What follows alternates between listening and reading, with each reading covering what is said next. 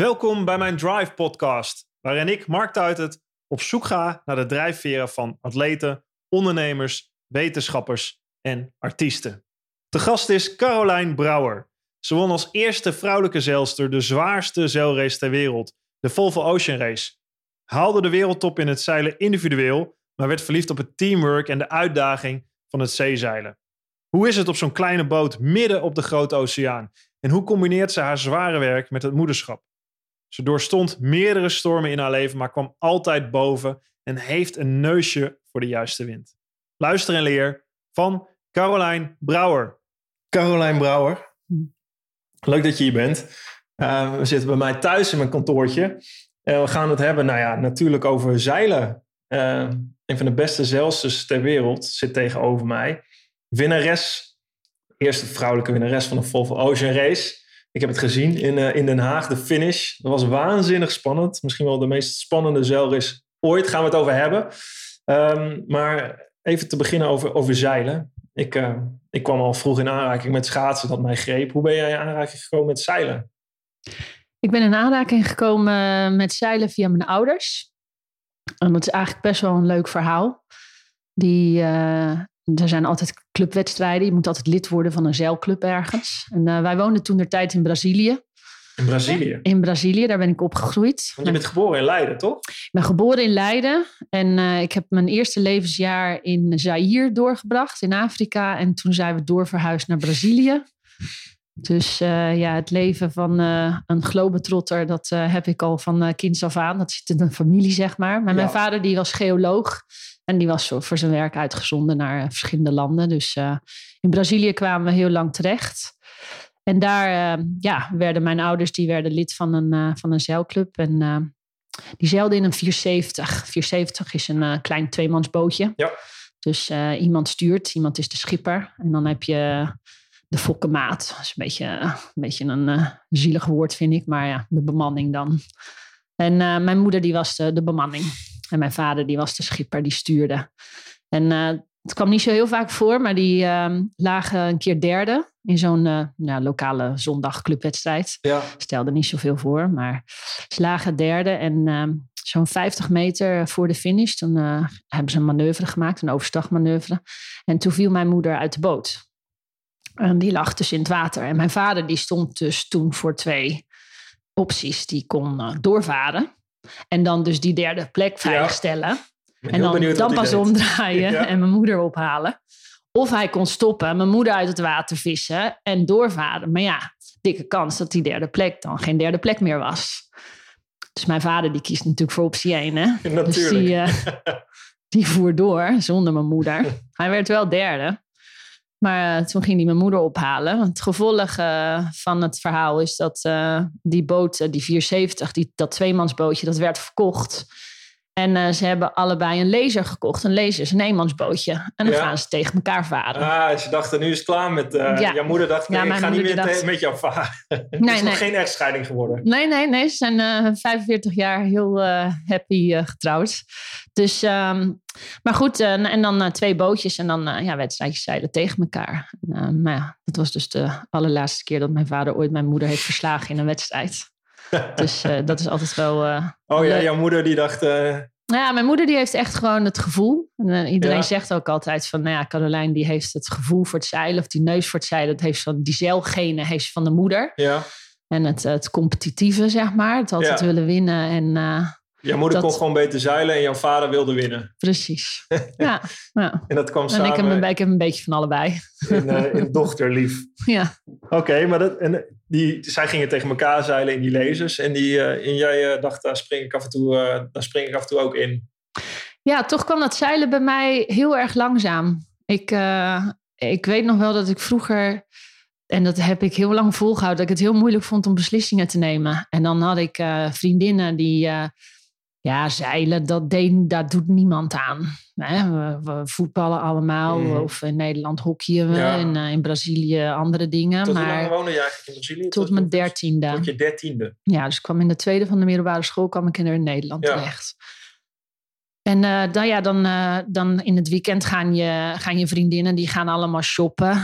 En, of die gaan naar de film. Mm -hmm. Of uh, die hebben dan sleepovers bij elkaar. En, ja, en ik moest dan altijd gaan zeilen. Dus moest, ik, zeg je? Nou ja, moest. Ik, het was iets een familieding, weet je. In het weekend ga je met elkaar naar de, naar Ja. de, naar de zeilvereniging. Dat deden jullie in Brazilië al. En dat, toen jullie naar Nederland gingen, bleef je dat eigenlijk ook doen. Ja, en ik denk stiekem een beetje in Brazilië is het ook... Een zeilclub eh, is wat dat betreft een veilige locatie. Ja. Hè? Je, als ouders, je kinderen lopen niet op straat. Ehm, ja, toch... Ik, vind, ik ben, Maar ik ben jullie in een afgeschermde wijk? Niet echt heel erg afgeschermd. Wij, eh, wij hadden, woonden gewoon in een straat. En er was in het begin van de straat was er wel een, eh, een security guard, zeg maar, met een slagboom. Maar ja, niet eh, achter hekken en tralies en allerlei dingen. Dat wij, wij hadden eigenlijk, wij probeerden ons heel erg aan te passen aan het, aan het Braziliaanse leven. En dat is ook wel aardig gelukt. Ja. Maar ja, je, je jonge kinderen op straat laten lopen en bijvoorbeeld gewoon op de bus stappen ergens naartoe, dat zat er niet in, weet je.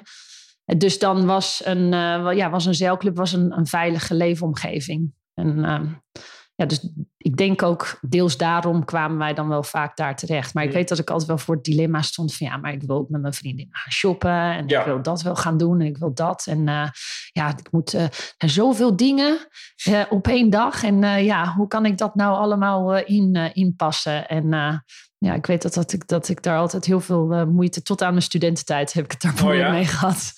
Ja, van eh, waarom valt alles nou in één weekend? Weet je, al Ja. die feestjes en al die afspraken en al die wedstrijden. En eh, Ging je, deed je, combineerde je dat ook met elkaar? Ging je wedstrijden zeilen en daarna feestje af en daarna... ja, ik heb gestudeerd in Leiden. Ja? Ik heb talen en culturen van Latijns-Amerika gestudeerd. Verrassend. Ja, precies. Ja, wel heel leuk. Ja, heel blij dat ik die studie heb gedaan. Ik doe, doe er niks meer mee.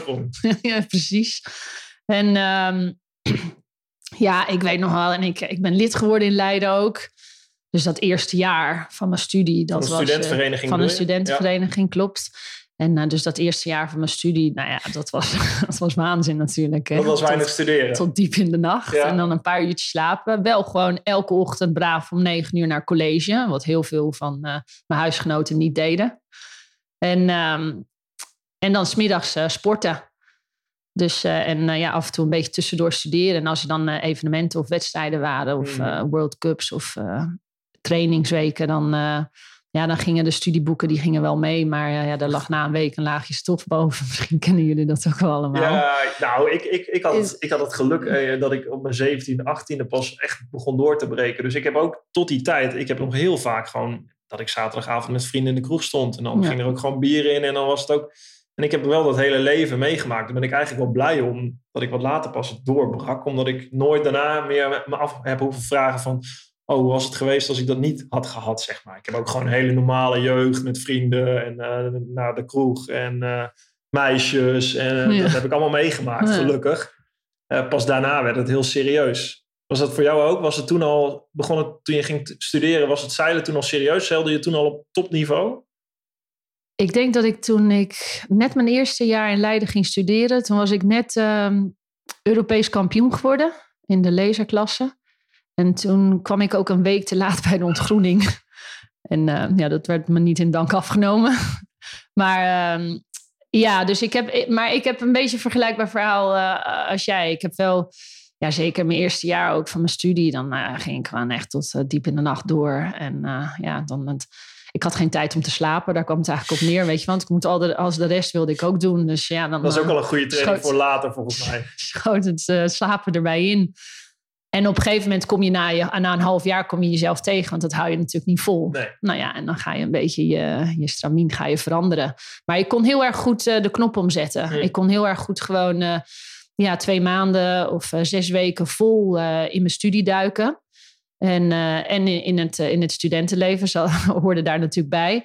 En dan kon ik gewoon echt de knop omzetten. En dan verdween ik voor twee maanden. En dan ging ik puur zeilen en mij alleen maar daarop richten. Ja, En, eh, en dan kwam ik weer terug en dan eh, ging, de, ging, ging de knop weer om. En ik heb dat eigenlijk ja, vijf jaar, vijf en een half jaar heb ik dat zo volgehouden. En toen heb je je studie gehaald en je, je kon eigenlijk gewoon schakelen altijd wel tussen Precies. sport en studie. Ja, en wat ik al zei, die studieboeken gingen wel mee, maar al was het alleen maar het gevoel dat je ze bij had. Ja, want ja, ja, er gebeurde, nooit, gebeurde nooit wat mee. Heb je hard getraind, heb je Ja. gegeten en dan denk je, ik ga nu even een stukje lezen. En voor je het Ja. weet, ik werd altijd uitgelachen omdat ik gewoon wel vaak gewoon op bed lag met een boek. En dat werkt natuurlijk niet. Nee, ja. Dan lag ik te slapen met, met een boek op mijn hoofd gewoon ja, echt. precies. En dan Ja, lekker tijd hè, die studie. De tekst zo in je wang gedrukt Ja. op een gegeven moment. Ja. Maar je hebt het wel, je hebt het wel gered. Ehm, wat was je ambitie als zeil, zeilster toen?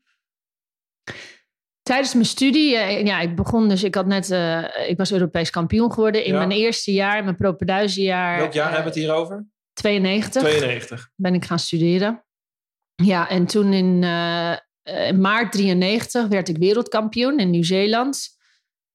En toen had ik zoiets van, eh, hey, dit, ehm, dit, dit, dit, dit zou nog wel eens wat kunnen worden. Eh, Laser ook hè? Ja, de in de ja. nog, ja. Maar de laser was toen de tijd, nu Nee. wel, maar toen de tijd niet De olympisch. klasse van Marit Bouwmeester. Precies. Ja. Eh, in dezelfde type, ook laser radiaal. Dus eh, de, de vrouwenboot, zeg maar, Ja. eenmansboot. Maar die was toen de tijd niet olympisch. Dat was de Europe-klasse. Hm. Wel echt een heel mooi bootje. Eh, heel leuk bootje. Er zit ook een beetje ontwikkeling in met een carbonmast. En, eh, en dat was echt eh, ja, een heel leuk bootje voor mij. En op een gegeven moment ben ik dus... Ja, mensen komen ook naar je toe van... Heb je geen Olympische ambities? Ja. En wat zei je dan? Ja, en ik, ik, ja, ik, ik, ik had echt passie voor het zeilen. Voor mij, zeker tijdens mijn studie. Ehm, en het was niet zozeer voor het zeilen, maar het was voor het water, voor het buiten, buitenleven. En eh, het feit dat ik gewoon in de weekenden eigenlijk nooit eh, in het studentenhuis was. Ik was gewoon altijd eh, buiten op, op de plas of op zee was ik aan het, aan het spelen. En dan kwam ik op zondagavond terug. En dan had ik gewoon eh, ja, het hele weekend buiten geweest. Ik had een frisse neus gehaald. Ik, eh, ja, het was alsof de batterijen weer waren opgeladen om eh, de hele week weer in, in dat studieleven te duiken. Ging jou En- veel meer dan alleen om winnen, meer om het gevoel Ja, spelen met de elementen? Of, ik denk dat zeilen is, een, is natuurlijk een hele complexe sport. Hè? Het is van zoveel eh, verschillende factoren afhankelijk. En, eh, en bij mij was het inderdaad gewoon het, het eh, strijden tegen de natuurelementen. Geen Mhm. enkele dag hetzelfde. En dat, Mhm. dat, dat vind ik leuk. Weet je, elke dag eh, dan lijkt het hetzelfde. Je gaat naar dezelfde plek toe. Ehm, je bootje tuig je op dezelfde manier op en je trekt hetzelfde pak aan en alles lijkt hetzelfde. Maar als je dan helemaal op het water komt, Ja. de golfslag is anders, de stroming staat anders, de wind is net even 10 graden vanuit een andere richting. En ehm, ja, dus, dus al, je tegenstanders zijn, zijn anders of gedragen zich anders. Dus eh, ja, je moet je steeds altijd aanpassen aan, eh, aan de veranderende omstandigheden. En, en dat was voor mij leuk. En, Hmm. en ook het feit dat je jezelf altijd moet uitdagen. Want het is bijna onmogelijk, en ik durf te zeggen onmogelijk, om een perfecte race te varen. Je maakt altijd ergens wel een foutje. Als het niet is op eh, tactisch vlak, dan is het eh, technisch. Of dan zat je fysiek even net niet eh, goed met je voet of met je draai. Of nou ja, uit het schaatsen zullen jullie Ja. dat ook wel kennen. En dan heb je toch altijd hier, een, hier of daar, kan je toch altijd foutjes ontdekken. En, ehm, Is en niet heel eigenlijk is. frustrerend? Nou, nee, want het is eh, juist leuk om, om eh, eraan te blijven werken. En er is altijd iets wat je kunt verbeteren. Ja. Stel je voor dat je over de finish komt en ja, ik heb nou de perfecte race gevaren. Nou kan ik het wel hoor, nou is het goed geweest. Ja. Eh, nee, je bent altijd op zoek naar. Je bent altijd aan het groeien. Zeilen is een oneindige sport. Weet je, je bent. Het is nooit afgelopen. Je kunt altijd blijven leren en altijd blijven groeien. Er is altijd wel iets wat je kunt verbeteren omdat het va- van zoveel verschillende factoren afhankelijk is. En eh, ik denk dat dat eh, zeker nu ook. Mhm. Ja, ik heb drie Olympische Spelen gedaan. Ik heb mijn derde Volvo Ocean Race gedaan. Ik heb Mhm. nu de Volvo Ocean Race gewonnen. Zou je kunnen zeggen, ja, wat wil je nou nog meer? Ja. Ja, maar het, is, ja, het einde is er nog niet. Weet Je blijft je is- hele leven zelfs. Ja, ik blijf mijn hele leven. leven zelfs tot ik erbij eh, neerval. Weet je, tot mijn lichaam eh, zegt van ja, nou eh, kan, ik, kan, kan ik niet meer van de kade op de boot stappen. Tot En, op de laatste dat- dag dat je, dat je met je rolstoel misschien nog naar de boot wordt gedragen. Dat tot die dag. Ja, je- kan. En dat is ook het leuke van zeilen. Je kunt Hmm. het blijven doen. Weet je, op een gegeven moment op Olympisch niveau dan uh, ja, houdt het misschien op een gegeven moment is daar wel een limiet aan. Ja. Natuurlijk, en vooral fysiek. Maar uh, op jachten, ja, je kunt, ja. je kunt heel, niet, niet op Volvo Ocean Race niveau, maar nee. uh, ja, je kunt wel lang door blijven zeilen. Maar heel even terug naar die Olympische Spelen. Jij zegt, uh, winnen was voor jou minder belangrijk. Ehm, maar je, je zei net, hè, dat heb je dan van je vader. Als je aan een wedstrijdje meedoet, wil jij winnen. En ja, wat in de, in de sportwereld en ook in de zeilwereld wel het hoogst haalbare is, is toch die Olympische plak en het liefst die Olympische gouden plak. Dus ik neem aan dat jij daar toch wel mee bezig was, enigszins, toch? Ja, zeker. Ongetwijfeld. En uh, ik heb best wel een moeilijke, ja, of een, uh, zeg je, een, een, een, Olympische carrière. Mm. Een beetje een rollercoaster is het geweest. Ja, want jij werd in, je, werd, je won een hele belangrijke prijs in 1998, volgens mij, hè? de World ja. Sailor of the Year Award. Klopt. Daar, daar weet jij wereldkampioen, Europees kampioen. Jij was, nee, die, ja. die prijs krijg je niet voor niks. Uh, en dan kijk ik vooruit vanaf zo'n prijs. En dan, dan, zie, dan zie je 2000, toch? De Olympische Spelen. Klopt. Sydney. Ja. Dat, daar had jij je zin op gezet, neem ik aan.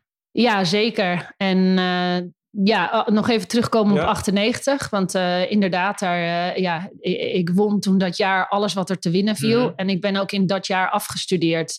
En toen, ja, de enige die ik eigenlijk een beetje moest overtuigen was mijn vader. Dat ik mijn vader die dacht, nou, die is afgestudeerd. En, uh, die kan gaat, een uh, baan, baan krijgen. Precies. En uh, de achtergrond met Brazilië en Zuid-Amerika was natuurlijk, uh, ja, werd toch nog gezien als een, als een derde wereld de continent, alle landen. En nou, er was natuurlijk wel heel veel, er zat een, een, een, een, mooie toekomst voor die landen. Dus nou ja, genoeg bedrijven die daar wilden investeren. Dus nou ja, die, die zag dat wel zitten.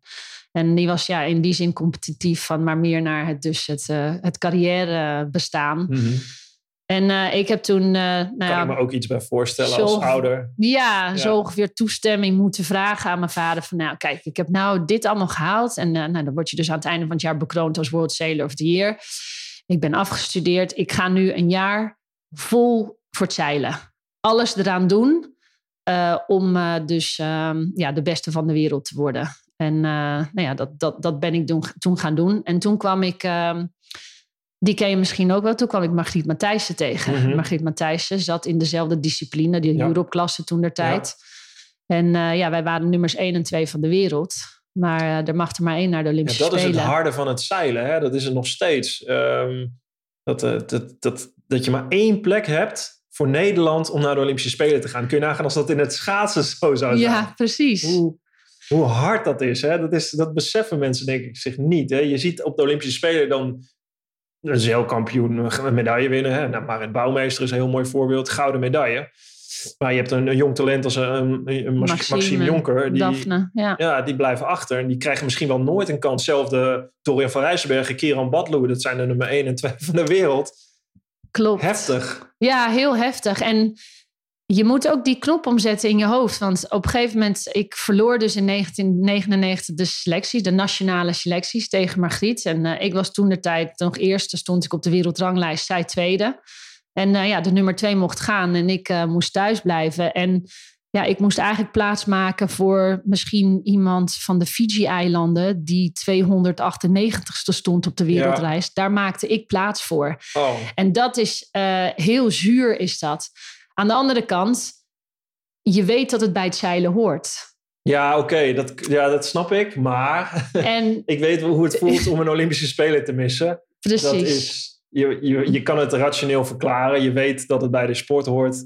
Maar dat, dat moet ontzettend veel pijn doen, toch? Ja, het is super heftig. Want uh, nou ja, aan de ene kant... Uh, ja, Margriet die kwam terug met een zilveren medaille. Ja. En um, in Sydney. En ja, dan ja, ja, het doet je verder niet zoveel. In, je denkt van, nou ja, we hebben in ieder geval elkaar wel naar een hoger niveau geholpen. Ja, maar Weet je denkt ook, hebben, uh, als ik daar had gestaan, ik had, ik had, gewoon hier een gouden medaille kunnen winnen. Nou ja, ja dat, dat, dat gaat wel door je heen. Ja. Maar je, je moet jezelf er wel overheen zetten. Uh, uh, bij mij, ik, ik schakelde toen heel snel door. Het Watersportverbond stond er ook achter. Ze hadden ook bewuste selecties heel vroeg gehouden. Dus in het jaar voor de Spelen al. Zodat, omdat ze in de 470-klasse toen der tijd geen uh, vrouwendeelname hadden ah. nog voor Nederland. En Ze dachten, de hadden, afvaller die kan, mooi doors, die kan mooi doorstromen. Precies, dus alles werd mij aangeboden. Boten, ja. uh, alles. Ik moest uh, een, ma een zeilmaatje vinden. En uh, ja, het was alsof die ook in de rij stonden, zeg maar. En, maar ja, je hebt maar negen maanden voorbereiding Ja. naar de Olympische Spelen toe. Ja, waar heb je het dan over? Dat weten we allemaal. Dat ga je niet redden. Nee. Dus, uh, dus uh, we hebben wel de selecties toen afgedwongen in Nederland. Want ook toen moesten we weer selecties gaan varen. Er kwamen toch wel wat teams op. En uh, die hebben we gewonnen. En uh, dat ging nog, werd nog een rechtszaak. Weet ik nog heel goed. En uh, ja, toen mocht... schaatsen. Ja, het gebeurt in elke sport Ja. tegenwoordig. En toen ja, mochten wij naar Olympische Spelen. Maar ja, het, het, je weet dat, dat, een, dat een Olympische plak, dat dat dan niet, dat het niet Nee. realistisch is. Nee. En daar moet je je bij neerleggen. En ja, het werden mijn eerste, eerste Olympische Spelen. En dan heb je zoiets van, ja goed, eh, in Sydney. En eh, ja, dat is toch een mooie locatie. En daar ga je dan heen. Maar je weet dat je er niet heen gaat voor een medaille. En ja, dat blijft wel... eh dat blijft Hoeveelste werden jullie? wij werden elfde, denk ik, in Sydney. Ja, mooi dat je dat ook niet precies weet. Hè? Ja. Is- ja. Ja, doet je niet zoveel- nee. Ja. Daar heb je niks aan. Nee, daar heb je niks aan. Nee. Nee. Vierde, vijfde heb je al eigenlijk helemaal geen reet aan nee, natuurlijk. nee, Ik zei al is helemaal... eh, Precies, je kan al beter dertigste worden dan Ja. vierde vaak. Ja. Dat is helemaal verschrikkelijk. Dat was jouw Olympi- eerste Olympische ervaring. Ehm, daarna ben je vrij snel eh, wel de Volvo Ocean Race gaan varen. Klopt, toen werd ik in eh, 2001, dus het jaar Ja. na de Spelen, werd ik eh, ja, gebeld. Eh, er was iemand eh, die twee etappes niet kon varen op de, op de vrouwenboot. Het was een vrouwenboot toen. En ja, toen hadden ze mijn naam ergens gelezen. Of het meisje die die twee etappes niet kon doen, die kende mij. Ja, En die zei, ja, jullie moeten Caroline eens bellen. En heel toevallig, ja, er zat iets achter, denk ik. Want het waren de twee Zuidelijke Oceaan-etappes die zij niet kon doen in verband met eh, andere commitments. Mhm. Maar het was wel heel toevallig dat het twee Zuidelijke Oceaan-etappes waren. En eh, ja, ik had nog nooit... waarom? Omdat dat de zwaarste etappes waren? zijn de zwaarste etappes, zijn de meest extreme etappes, worden ook gezien als de meest gevaarlijke etappes. Eh, je moet je voorstellen, Zij hadden Zuidelijk... iemand op een boot zitten die dacht van... Nou, dat is me net iets te link. Ja, nou, ik wil die wereld wel rond, Ja. maar eh, ja, ik wil niet naar 60 eh, graden zuid en, eh, en tussen de ijsbergen slalommen. Dat, zag niet mijn leven per se op het spel te zetten. Ja, nou ja, goed. Ja, dat, ja, dat in, in, een, in een bepaalde zin is Zo dat wel heftig zo. kan het zijn, toch? Zo heftig kan het zijn, inderdaad. Nou, in welke, sorry dat ik je onderbreek, in welke, in welke staat was jij eh, na die Olympische Spelen? Je wordt gevraagd van Volvo Ocean Race, maar heb je, ik kan me iets bij voorstellen, eh, vanuit mezelf geredeneerd, dat je echt iets zo hebt van eh, dikke middelvinger, hele wereld. Ik, ik weet het even niet meer. Ik kijk wel.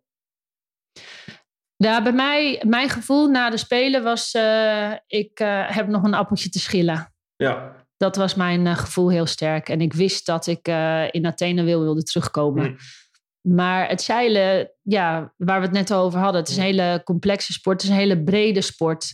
Dus ik wilde mezelf niet alleen, maar ik wilde niet alleen bij de kleine bootjes houden. Ik wilde me oriënteren op eh, andere vlakken binnen, binnen het zeilen. En nou, daar is dus de grote botenwereld daar één van. dus deze kwam eigenlijk als geroepen, deze vraag. Eigenlijk wel. En het is een soort break, maar eh, even ertussenuit stappen. Dat willen we allemaal. eh, na, na de Olympische Spelen wel even eh, eruit. Maar ik bleef wel binnen het zeilen. En ik zocht zeg maar ja, toch te blijven groeien in de sport, maar in een, eh, in een, in, op een ander Mhm. gebied.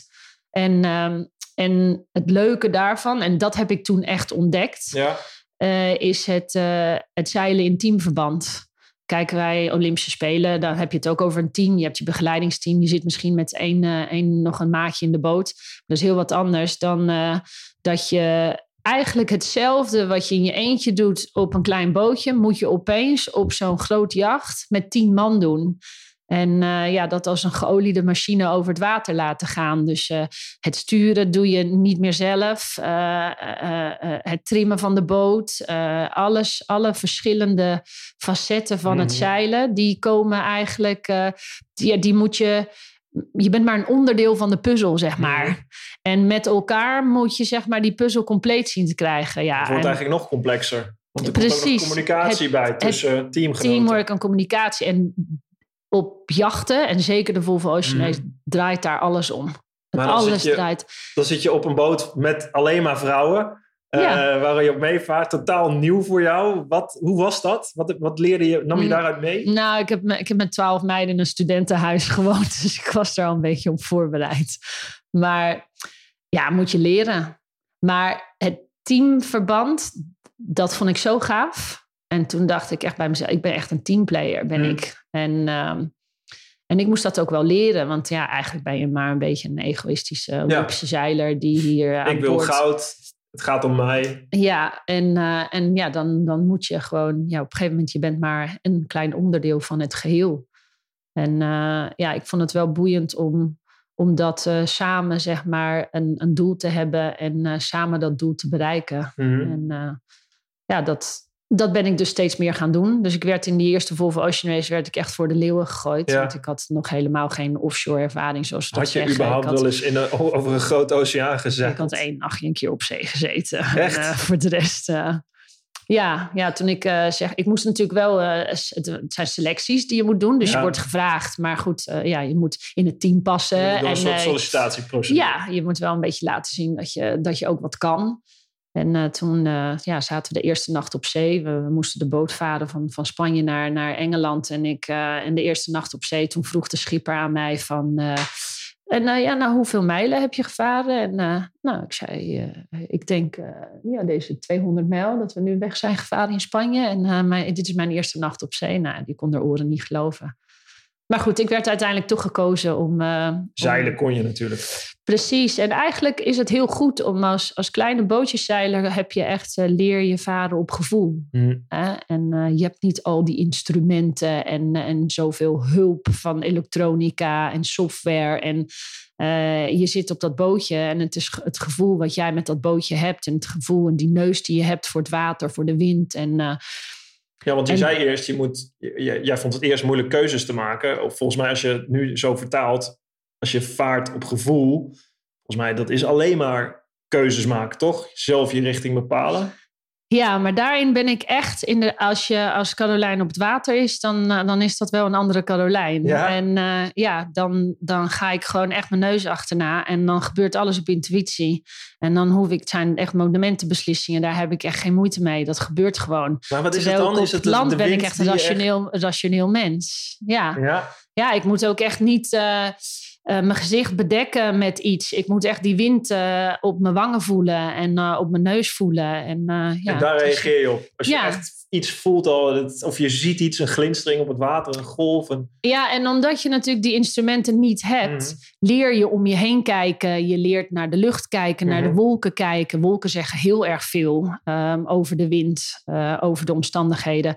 En je leert naar het water kijken en eh, je gaat eh, naar de golven kijken. Die grote botenzeilers, als je echt van kinds af aan op een jacht Mhm. eh, leert zeilen, dan, dan kijk je heel vaak naar de mast en dan staan er allemaal van die nummertjes. En eh, Ja, daar leer je op varen. ja. Maar dat is niet zozeer Nee. het varen op gevoel. Nee, en dat is, ik, ik, ik mocht meevaren op Team Brunel, eh, de boot, met, met bouwen. En eh, ik heb de metertjes gezien aan de mast. Ja. inderdaad. Daar heb ik me aan vastgehouden, want ik heb echt helemaal geen gevoel met water. Heel klein beetje met kitesurfen nu, maar ik, ik, ik, dat, het lijkt me zo fascinerend als je, als je dat kan en doet. En dat je dat, dat is zo'n vingerspitsengevoel wat ik alleen maar in de schaatsen herken natuurlijk, omdat dat mijn professie is geweest. En dat je dat zo perfectioneert, dat je ieder klein millimetertje afwijking helemaal voelt. Maar dan voel je dat en dan zit je op een, een laserbootje, een klein bootje, maar dan zit je in één keer op een grote oceaan. Ehm, hoe pas je dat toe dan? Nou, ik heb ook echt eh, de eerste paar nachten had ik het gevoel dat ik echt eh, mijn naam aan het schrijven was op de oceaan. Zeg maar dat ik echt rondjes aan het draaien was, omdat ze me dus probeerden te leren op die, eh, op die nummertjes op de mast te varen. En s'nachts is het allermoeilijkste, want dan zie je natuurlijk het water niet. Dan, dan, dan zie, je niet, eh, zie je eigenlijk niet wat er voor je gebeurt. Eh, en dan heeft het geen zin om om je heen te kijken, want het is, het is te donker. En dan moet je wel leren op, eh, op die nummertjes te varen. Maar wat ik echt heb, denk ik, eh, ja, bijgedragen als kleine bootjeszeiler op zo'n eh, op zo'n grote boot, is dat je op een gegeven moment wel echt, eh, je, voelt, je voelt het door je voeten heen aan het dek, je voelt het door, door het stuurwiel. Overal heb je, ja, volg je je neus, zeg maar, heb je gewoon dat gevoel. En soms eh, dan zegt zo'n navigator, die zegt, ja, we moeten deze koers varen. En dan ga je vijf graden lager of vijf graden hoger. En dan gaat die boot opeens anderhalve knoop harder. En ja, dat, dat zijn dingen die je als, als, als gevoelszeiler meebrengt op zo'n jacht. Als je altijd maar naar die cijfers hebt gekeken en dat gevoel niet hebt, ja, dan volg je die koers die je, de navigator je heeft gegeven. Maar als je een beetje met die boot gaat spelen op de golven en dan ontdekt van ja, als ik hier nou even net een stukje van de koers Mhm. af, dan eh, gaat die boot wel anderhalve knoop harder. Ja, is dat een je moet dan altijd wel vragen of dat een mogelijkheid is. Maar ja, dat zijn de dingen die je meebrengt. En ja, ik, Is dat ook jouw kracht? Wat, wat is jouw kracht als, als zeiler? ja, ik denk echt eh, inderdaad het, het- de gevoelszeiler. Hm. Ehm, en, en ik denk gewoon, ja, de teamplayer. Dat ik het echt eh, ja, superleuk vind om, eh, om, om een deeltje te zijn van die puzzel. Want neem ons even mee, eh, dat, dat vind ik heel fascinerend. Wat je zegt, je, je, bent, je zit op een boot, je zit midden op de grote oceaan. Eh, jullie gaan van Nieuw-Zeeland, je hebt twee Volvo Ocean race, eh, races daarna nog gedaan. Eh, de laatste met Dongfeng, die jullie winnend afsloten. Prachtig. Neem ons even mee als we even naar die, die laatste Volvo Ocean race gaan. Ehm, je zit op de grote oceaan, golven van 15 meter, ijskoud. Eh, je moet van alles in de gaten houden. Inmiddels heb je heel veel ervaring, ook als zeezeilster. Mm. Ehm, hoe, neem ons even, hoe voelt dat? Wat, wat doe je? Waar let je op? Eh, wat, gebeurt er op zo'n boot? Het is natuurlijk heel moeilijk te beschrijven wat, eh, wat wij mee, meemaken. Er zijn niet zoveel mensen die, die daar in die Zuidelijke Oceaan, in die omstandigheden terechtkomen. Maar ik probeer het altijd voor een leek dan te vergelijken met s'skiën. De meeste Nederlanders hebben toch wel ja, wat skiervaring. En dan dat je dus, nou, het heeft eh, goed gesneeuwd eh, s s'nachts. En eh, de volgende ochtend, die pistes die zijn mooi geprepareerd. En je staat als eerste bovenaan zo'n mooie zwarte piste. En je lanceert je van die berg af. En dat gevoel, dat hebben wij als zeilers in de Zuidelijke Oceaan. De omstandigheden in de Zuidelijke Oceaan, die vind je nergens anders op de wereld. En Want, wat, wat zijn die omstandigheden? het zijn, ja, eigenlijk eh, moet je het zien als, eh, het zijn allemaal lage druk. Daarom gaan we ook zo ver zuidelijk, omdat alle lage druksystemen, die lopen daar, eh, die gaan daar van west naar oost. En je moet het zien alsof je je inhaakt aan zo'n zo'n lage druksysteem en, en je, je vaart mee.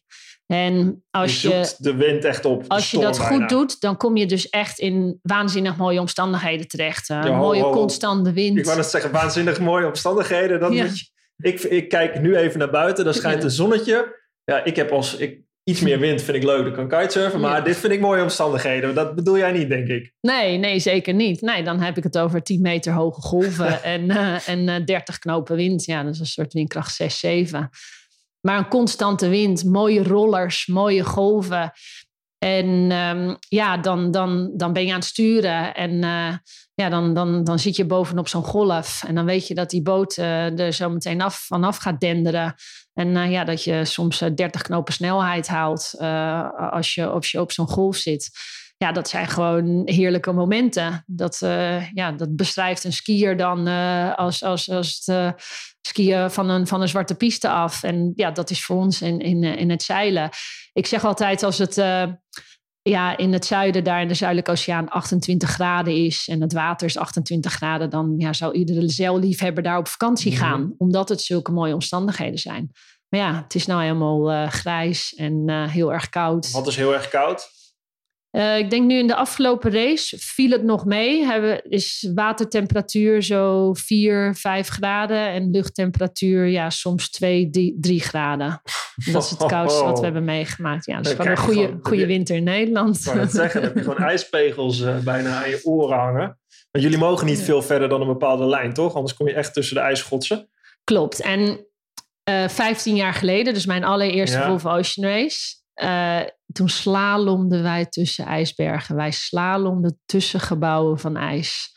En dat gebeurt nu niet meer. Dat, Hoe was dat? eh, ja, eh, eng, Ja, ehm, maar wel heel erg gaaf. Ik bedoel, ja, ook weer iets wat je gewoon nooit in je leven zult meemaken. De natuur is daar zo mooi.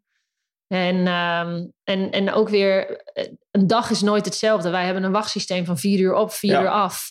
En eh, ja, dan heb je vier uur gerust en dan kom je vier uur later weer aan dek. En dan is het toch weer anders dan het de vier uur daarvoor was. slaap Dus, je in eh, die vier uur ook? ik denk dat als je 2,5 uur slaap, kunt slapen van die vier uur dat je wacht af hebt, dan heb je het goed gedaan. Dus je, je hebt de, nou ja, op 24 uur dus een hele onderbroken slaap. Maar je kunt in principe toch wel zes, misschien zeven uur halen. Op een dag. Op een dag. En dat hangt er natuurlijk vanaf ook waar je bent. In de Zuidelijke Oceaan, eh, ja, dan eh, kost het aankleden en het uitkleden alleen al een half uur. Jee. En dan moet je je voorstellen, nou ja, dan moet je nog eh, naar het toilet en dan moet je nog eten. En ja, die boot, het is, het is je huis. Dus die boot die moet natuurlijk ook onderhouden worden. Ja. Die moet eh, schoongehouden Want je worden. zegt naar, toilet. eh, Je hebt gewoon een soort chemisch toilet, toilet op de boot. Ja, we hebben een, een, een toilet, een normaal toilet. Dat wordt eh, dus gewoon dan in, in, in de zee gepompt. Ja.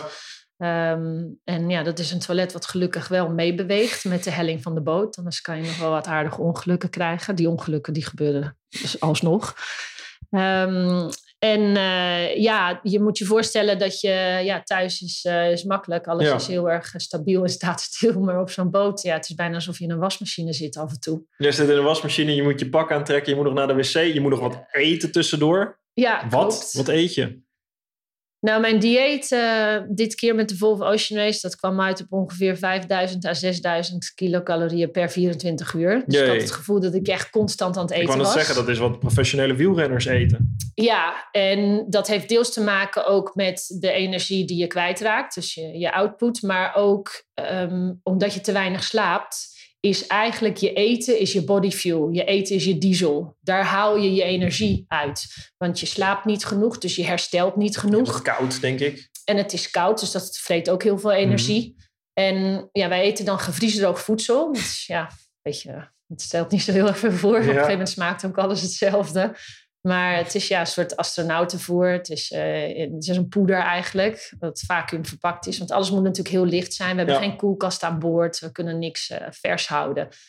Dus, eh, en dan, ja, dat doe je dan in een, in een potje. En daar giet je heet water bij. En roeren. En een kwartiertje later dan is je maaltijd klaar. Maar goed, dat, daar zit wel duizend kilocalorieën in. Dus ja, daar eet je er drie van per dag. En dan is het gewoon ja, de ene eh, proteïnebar, eiwitbar. Ja. eh, eh, heel veel gedroogd fruit en noten. Mhm.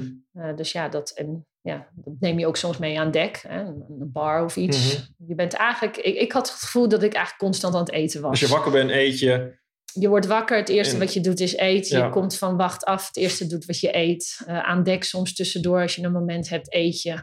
Dus ja, En dan sta je aan dek en dan, eh, dan, dan ga je op die golf. Hè, dat gevoel van die zwarte piste, dat ken ik wel. Lijkt me een heerlijk gevoel trouwens.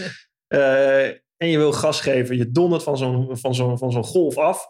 Ehm, is, het, is het eigenlijk steeds balanceren op het grensje van wat nog net kan? Hè? Wa- wanneer beslis je van, eh, nou, ik, ik zit hier, hier moeten we even een stapje terug doen? Of moeten we nog meer storm op gaan zoeken? klopt. En dat is eigenlijk heel erg interessant. Want wij zijn natuurlijk altijd de grens aan het opzoeken. Hmm. En je wilt er niet overheen, want dan gaat, het, gaat de boel kapot. Of je, jezelf, of Ja. de boot. De onderdelen van de boot. En, maar we zijn wel constant die grens aan het opzoeken. En eigenlijk dat is het, dat is het leuke van een, een goede schipper. Is eh, die boot hard pushen met z'n allen. Dat is niet zo moeilijk. Dat kunnen we allemaal wel. Zeker eh, nu de boten waren dus one design. Dus de boten waren allemaal identiek. Dus het komt echt aan op de bemanning, op de skills van de bemanning. Eh, degene die wint. Je moet gewoon harder en slimmer varen dan je tegenstanders. En aan het materiaal, zeg maar, ligt het niet. Je kunt niet het materiaal de schuld Nee. geven. Dus dat is op. En daardoor was die race heel erg close. Nou, we hebben het allemaal meegemaakt Ja. in Den Haag. Maar eh, je komt dus aan dek en je hebt gewoon heel vaak, zit je op de wijde oceaan, maar je hebt heel vaak gewoon boten in zicht, je tegenstanders in zicht. En dan heb je één of twee, soms drie boten in zicht. Ja, dan ga je vanzelf harder, harder pushen natuurlijk. Nou. Als wij die ene golf wel pakken en zij niet, dan hebben we weer een paar meter gewonnen. En zo ben je constant bezig. Maar tegelijkertijd, zeker in, eh, in de Zuidelijke Oceaan, waar je zo ver bent van enige vorm van rescue, er komen daar geen vliegtuigen, er komen daar geen helikopters, er komen geen schepen, niks komt daar. Wij varen daar gewoon met zeven Volvo Ocean Race boten en verder is er niks. Dus je bent aangewezen op elkaar en eigenlijk op je tegenstanders mocht er iets gebeuren. En op dat soort, dat soort momenten, en dat maakt echt een goede schipper, is wanneer weet je een stapje terug te nemen, even gas terug te nemen. Wanneer wordt het te gevaarlijk? Wanneer breng je, je je bemanning in gevaar of je boot in gevaar? En durf je even te zeggen van oké, en nu even gas terug mensen, want dit, dit wordt te gevaarlijk. En dat maakt eigenlijk een goede schipper Hmm. om op het juiste moment die beslissingen te kunnen nemen. Daar, die neemt ook die beslissing. Met het hele team ben je afhankelijk van wat hij dan op dat moment zegt. Ja, klopt. Wij, wij hebben wel, het is een soort eh, ja, samenspel natuurlijk. Mhm. Eh, uiteindelijk ligt de eindbeslissing bij de schipper. Maar we hebben wel eh, twee wachtleiders. Dus elke wacht Mhm. van vier uur heeft een wachtleider. En dat moet je een beetje zien als de directeuren van het orkest, zeg maar. Die hebben de regie als ze aan dek zijn. En die nemen de beslissingen. En dat dan in overleg met de, de schipper. Maar Ja. goed, de schipper die moet ook rusten. Die moet ook zijn, Ja. zijn slaap eh, pakken. Dus ja, als die op een gegeven moment eh, inderdaad eh, ja, even slaapt... dan moet je met elkaar aan dek. De beslissing maken, de, call beslissing- maken. De beslissing maken. Gewoon, we gaan nu even niet die storm opzoeken, maar we consolideren. Ja, en dat is natuurlijk iets. Kijk, eh, zeilen is ook een, een, een sport waar je, waarbij je moet anticiperen. Hmm. En dat is ook een hele grote kracht van een team. Als je dus eh, goed kunt anticiperen eh, op, op het weer wat er komen gaat, eh, op de omstandigheden. Hoe anticipeer je op, op bijvoorbeeld verlies? John Fisher die sloeg overboord tijdens die grote oceaanlek. Ja, ik denk niet dat, dat wij daar hier aan wal een voorstelling van hebben hoe heftig dat is en hoe moeilijk dat is. Ik heb er met een aantal zeilers over gesproken om zo iemand terug te vinden. Ehm, dat lijkt me heel heftig. Hoe anticipeer je daarop? Hoe, is, hoe, hoe was dat voor jullie eh, toen dat nieuws binnenkwam? En nou ja, dat is, iets, dat is nou net iets waar je natuurlijk niet op kunt anticiperen. Nee. Dat eh, het is bijna. Soms zeg je van het hoort bij de race. Wij zoeken natuurlijk de gevaren wel een beetje op. Het is en het blijft een extreme sport. Dus je bent, eh, wij maken hele goede afspraken met elkaar. Die etappe eh, waar het gebeurde is dus een van de Zuidelijke Oceaan-etappes van Nieuw-Zeeland naar Brazilië. En toch, als je dan eh, in Nieuw-Zeeland bent, in Auckland, in voorbereiding op die etappe, dan zijn je de briefings met elkaar, de besprekingen die je hebt met elkaar, die zijn net even anders. Het gaat iets minder over eh, we gaan winnen, we gaan heel hard pushen en we gaan als eerste in, in Brazilië aankomen. Dat wil je natuurlijk wel. Het doel blijft altijd winnen. Maar veiligheid staat voorop tijdens zo'n etappe. Vooral die etappes. Dat jullie allemaal weten, dit is de meest heftige die gaat komen nu. Klopt. En omdat er dus die rescue niet is. Nee. Weet je, als jij halverwege de etappe bent van eh, Nieuw-Zeeland naar Brazilië, dan ben je 2500 mijl van eh, het stukje land in Nieuw-Zeeland en het Zuid-Amerikaanse Dus continent. Eigenlijk daar weet je, als je overboord slaat daar op die grote oceaan, dan is het gewoon klaar. Ja, is einde. Ja. Jee. En Eigenlijk zeil jij gewoon op, op een vliegtuig waar je af kan vallen en eh, dan, is het, dan is het gewoon gebeurd. ja, maar we zijn natuurlijk aangelijnd. Ja, En wij kunnen natuurlijk terugkomen op het verhaal van John Fisher. Was hij Mm. aangelijnd, was hij niet aangelijnd? Eh, daar hebben we nu allemaal niks meer Nee. aan. En maar naar dat, dat moment in die boot, Ja, ik weet het nog heel erg goed. Dit is natuurlijk wel iets wat je nooit vergeet. Is, eh, ik was aan dek, ik was aan wacht. Eh, samen met eh, Jack en, ehm, en Daryl. We waren met z'n drieën maar aan dek. En toen eh, kwam dus Charles. ja, die, door de omstandigheden kon hij niet aan dek komen. Maar die uh, schipper. dus onze schipper. Die kreeg het nieuws in het navigatiestation beneden, dus in de boot. En dan eh, ja, steekt hij zijn hoofd even uit de hatch, dus uit de ingang van de boot, zeg maar. En eh, ja, brult hij in feite dat naar ons toe. En, ehm, en wat bedoelt, wat voor termen gaan er dan door de, over het schip? eh, ja, ja de, de zes woorden zei hij. Er is op eh, eh, een man overboard, Mhm. een mob, zoals we dat Mob. noemen, op Scallywag. En dat is eigenlijk het enige wat hij zei. Hm. En, En dan weten jullie eigenlijk wel hoe laat het is. Precies, want even later komt hij weer en dan zegt hij: ze zijn een search rescue begonnen. En, eh, maar het maakt niet uit hoe lang je zoekt. Nee. Je gaat hem niet terugvinden. Nee. Je weet eigenlijk als je hoort: er is iemand overboord Mhm. gegaan. In, eh, wij wisten zelf in wat voor omstandigheden. We, we zaten in hele heftige omstandigheden. Ja, leg eens uit. Kun je dat uitleggen? Hoe moeilijk, want ik heb mensen gesproken. Ja, je hebt toch een trekker of je hebt toch iets om. Hoezo kun je iemand niet terugvinden als je van een boot valt? Ehm, ik had het daar net er al over 10 meter hoge golven. Het gebeurde ook nog s'nachts. hele harde wind. Als er iets in het water valt, je, je ziet het niet. Je bent het zo snel kwijt. Bovendien gaat de boot ook nog eens 25 knopen, 30 knopen. Dus dan heb je het over 50, 55 kilometer per uur. En dan ben je over van die golven af aan het surfen. Nou ja, dan, eh, dan, dan, dan ben je die persoon of wat er dan ook in het water is gevallen, ben je kwijt. Ja. En uh, nou ja, de procedure is dus uh, om meteen alles. Dus een, we hebben een MOB emergency mhm. button. Dat zit dus bij de stuurman. Die mhm. drukt dan dat in. En dan gaat dus ja, op het computerscherm overal gaan dus alle alarmen af. En je gooit alles overboord wat je maar overboord kan gooien. Alle, de, de horseshoe dus, en, en, en, en de John Boy, dat zijn alle ja. Zodat iemand zich ergens aan vast kan pakken, mocht, het, mocht iemand er nog pakken. Precies, maar ook om uh, te helpen lokaliseren. Weet je, want er ligt meer. Er ligt niet alleen zo'n donker poppetje in het water. Uh, er ligt gewoon nog van alles wat. Uh, maar het was bij hun midden in de nacht en zij voeren echt. Zij lagen toen al 250 mijl achter ons. Hmm. Dus waar ik het net over had, dus heb je dat, dat lage druksysteem, daar zaten hmm. wij net voor. Hmm. Als je ervoor zit, dan heb je hele mooie, constante stabiele omstandigheden. Als je daarachter zit, dan, dan is het hel. Dan zit je in een soort wasmachine. En dat is echt uh, ja, de meest verschrikkelijke omstandigheden. En dan heb ik het over 40 knopen, soms 45 knopen. En midden in de nacht. En dan zie je gewoon niks. Ja. Uh, dus dan weet je eigenlijk van als iemand in die omstandigheden overboord gaat, dus de kans dat je hem terugvindt is gewoon sowieso um, uh, hou je het niet vol, want het water is uh, 3, 4 graden. Ja. Uh, dus je, ja, je hebt dan wel, je bent erop gekleed. Je hebt een survival suit, zoals ze dat noemen. Maar, nee, maar je hebt, hoe, hoe lang heb je? Precies. Je hebt, eh, ik, ik denk, 20 minuten max. Max. En Sowieso moet je inbeelden, je bent dus heel hard met de wind mee aan het varen, van die golven af aan denderen. Dan moet je dus de zeilen oprollen, de zeilen weghalen om terug te draaien, om tegen de wind in te kunnen varen. Tegenwind, ja, dat kun je ook niet zomaar doen. Moet je, je, moet opletten dat je natuurlijk niet nog meer ongelukken krijgt, mm. terwijl je dat aan het doen je moet bent. je eigen boot beschermen. Precies, je, eh, de rest van je bemanning. En tegen de tijd dat je teruggedraaid hebt in die omstandigheden, je mag dan natuurlijk de motor aanzetten en, uh, enzovoort, alle alle, alle maatregelen die je kan nemen, die, die mag je dan natuurlijk, moet je op dat mm. moment nemen.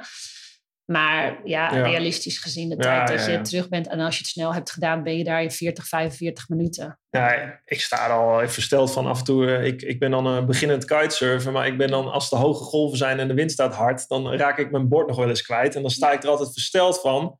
Hoe heb je gewoon een bord? Mijn bord is wit met groen, zou je zeggen, kun je goed zien als die één golf verder is en je, je kan zelf iets aan je kite trekken om het overzicht te halen. Je ziet het niet. Je ziet hem niet meer. En hij drijft weg met een stroming. Ik heb wel eens gehad dat ik hem twee, drie kilometer verderop bij de reddingsbrigade ergens op kon halen. Dat was in tien minuten tijd. Ja, of een en ik was gewoon, of, ja. gewoon kwijt, gewoon weg. Ja, ik heb het ook gehad in Scheveningen. Gewoon met, met mijn maatje in een, op een katamaran. En die gaat in 20 knopen varen. En 20 knopen is op zich niet zoveel. Winkel nee. 4 tegen. 5 aan, prima. Maar de golven waren best hoog. En uh, ja, we waren aan het, aan het trainen en bij een manoeuvre, een grijpmanoeuvre, viel hij overboord. Hij kon niet vasthouden, dus hij mhm. viel in het water. Ik heb hem, uh, hij is door een vissersboot gered. Ik heb hem gevonden. En hij heeft zijn, uh, zijn hesje heeft hij uitgedaan, want het was een felle kleur. Ja. Dat heeft hij omhoog gehouden. Ja. En hij heeft een flare afgestoken. Die had hij toevallig aan zijn zwemvest zitten. En, niet niet gezien, hè? Nee, Zo bizar, de kracht van de oceaan. Ja. En dan uh, jullie ronde Kaap uh, de, de, Goede Hoop. Ook. En in die etappe is het Kaap Hoorn. Kaap Hoorn is dat. Ja, dus de eerste zuidelijke is, uh, is, bij Afrika. Dat is bij Afrika. Ja. Dat is Kaapstad. Die hebben jullie ook gehad. Ja, hebben we ook gehad. Kaap Hoorn. Dat is inderdaad Zuid, Zuid-Amerika. Moet ik het allemaal goed zeggen voordat ik even in de war raak. jullie hebben het overleefd. Sterker nog, volgens mij deden jullie het best goed. Jullie waren gemiddeld heel goed over de hele Volvo Ocean Race. En hoe kom je dan aan in Brazilië, het land wat jij heel goed kent natuurlijk, met, met, met na zo'n race, na de zwaarste leg, uh, met wat er gebeurd is um, met, met een John Fisher. Uh, hoe kom je daar aan als jijzelf en jullie als team? Ja, het is natuurlijk de, het, uh, dat moment in de Zuidelijke Oceaan, toen John Fisher overboord ging, dan, dan ben je in shock en dan vraag je je af van gaan we nu verder zeilen? Moeten wij nu stoppen? Ja. wij wisten het ook allemaal even niet meer. Uh, het is natuurlijk heel onverwachts ook. Dus wij hebben ja, een paar dagen toch we zijn blijven racen, want je Hmm. moet wel, want je moet daar weg. Je kunt daar niet blijven. we moeten een stuk land op gaan zoeken. door. De race gaat door. En eh, dus ja, de eerste paar dagen, iedereen is behoorlijk van slag. Hmm. Dan ben je ook, merk je ook aan elkaar, je bent een stuk voorzichtiger. Nou, toen zijn we door, eh, nou, dan, dan na drie dagen, vier dagen, dan ja, ga je, kom je er toch weer een beetje in je spel, in je routine. En ja, Kaap Hoorn was dit keer, ik zeg altijd maar, ja, ik ben drie keer rond Kaap Hoorn geweest. Het is maar een rots. Maar het heeft wel iets, het heeft iets. Dan eh, doe je Het toch in de, zee, magisch. in de zeezeilwereld. Als je Kaap Hoorn eh, gerond hebt. En waarom? Dat is omdat je die verschrikkelijke Zuidelijke Oceaan achter je hebt gelaten. Je gaat eh, naar het noorden varen, je gaat de hoek om in feite. En je gaat de Atlantische Oceaan weer in. Die Zuidelijke Oceaan, die, eh, die laat je achter. En dat is de overwinning. Hm. Eh, dat je met elkaar heel huids daar bent aangekomen. En dat je verder kunt varen. En, ehm, dus dat was de eerste fase, zeg maar. Mhm. Maar ja, toen hadden wij eh, Team Brunel voor ons. Ja, En ja, wij, wij, die die leg wonnen. Precies. En dan heb je 7500 mijl gevaren. Ja. En dan finish je op 14 minuten van 10 Ik wou net zeggen, neem ons even mee in die laatste lek. Daar moeten we het echt over hebben. Ik was in Den Haag en het was ongemeen spannend. Ik, ben niet, ik kom niet van het zeilen, ik kom van de zandgronden. Eh, ik was het enige jochie dat zo'n beetje schaatste in Holte.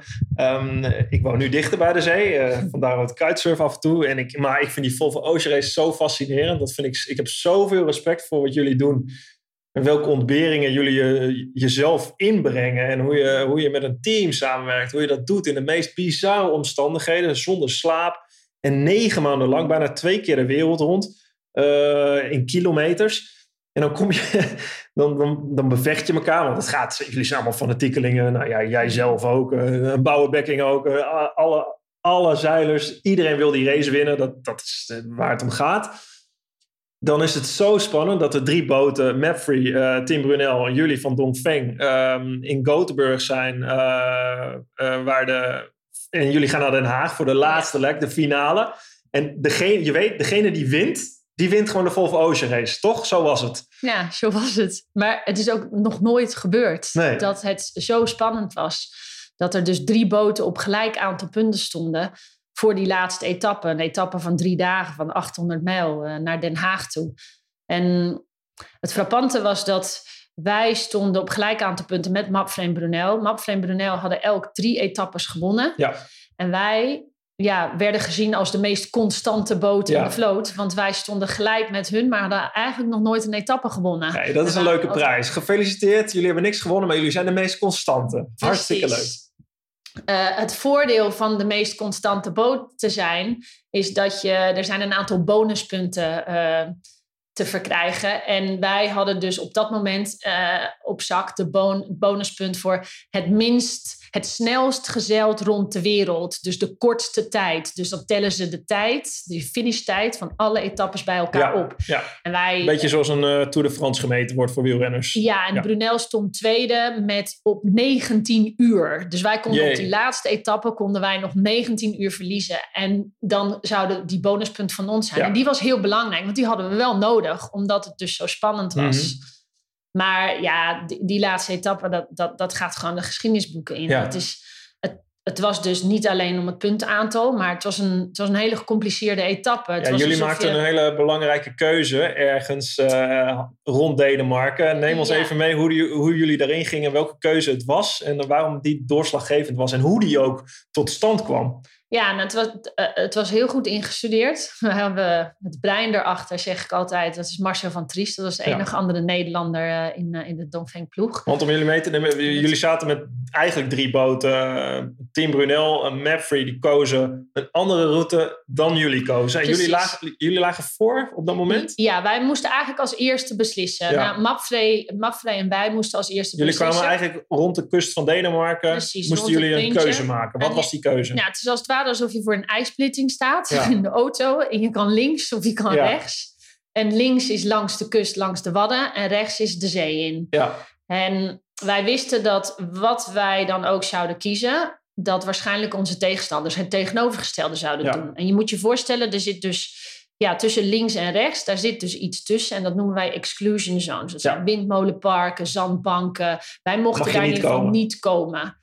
Ehm, dus als jij voor die ijsplitsing staat, dan is dat een beslissing die je neemt. En dan is die beslissing genomen en daar, daar zit je aan vast. Je kunt niet meer overkruisen naar je tegen je verlies pakken, zeg Nee. maar. En oversteken naar de andere Als je toe. kiest, is het all the way. Precies, het is alles of niks. En ehm, wij hadden dat heel goed van tevoren ingestudeerd. En Marcel van Triest die zei tegen ons... je gaat langs de kust wel zeven mijl langer dan de zeeroute.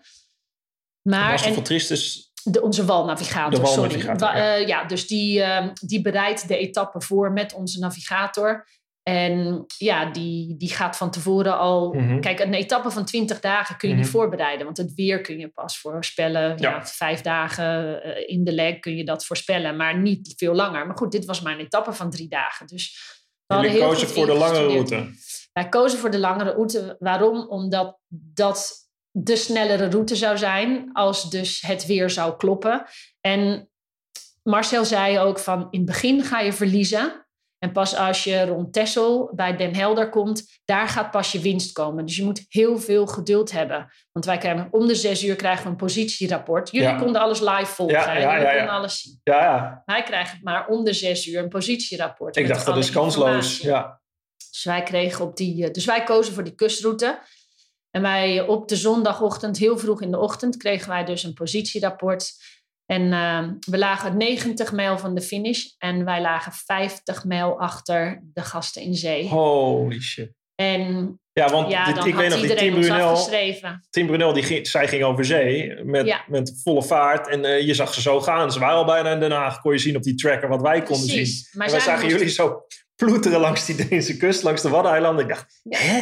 Ja, Kan nou, dat sneller ja, zijn? dus iedereen had ons ook afgeschreven toen. Ja, En, eh, maar wij bleven erin geloven. Want wij, ja, die, die, die, die woorden van Marcel van Triest, eh, die, ja, die, die komen dan steeds terug. eh, en dan, dan hoor je, je winst gaat pas komen als je bij Den Helder komt. Dan ga je in een rechte lijn naar de finish varen. Dan komen ze in zee, minder wind. Want er was een groot ho- hoge drukgebied boven Engeland.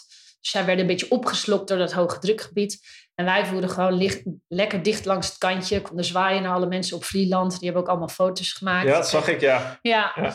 En, ehm, en we hadden hele constante wind. En wij konden met een rechte lijn, in een rechte lijn naar de finish varen. En die anderen moesten, die voeren in het begin wel sneller. Maar die moesten dus nog vanuit zee naar de kust komen varen. ja. Daar lag een boei waar ze ook nog omheen moesten. Een Toch bij boei. Katwijk ergens. Ja, nou, ja. precies. En, maar op een gegeven moment, toen, dan kregen wij dus, we hadden dat he- heel vroeg in de ochtend, dat positierapport gehad. En het volgende zou komen om één uur 's middags UTC, dus dat is drie uur lokale tijd. Dan pas zouden wij informatie krijgen. We hadden alle etappes gevaren waarbij je aan dek komt en je ziet boten om je heen. Maar vanwege die exclusion zone, die de, we zagen de andere boten niet. We lagen daar. Jullie gaan helemaal alleen. En het enige wat je kon doen was vertrouwen op je team. En, En, op op een gegeven moment komt dus eh, de schipper boven. Toen is dat positierapport doorgekomen. En dan pas krijg je een beetje informatie van waar liggen die anderen.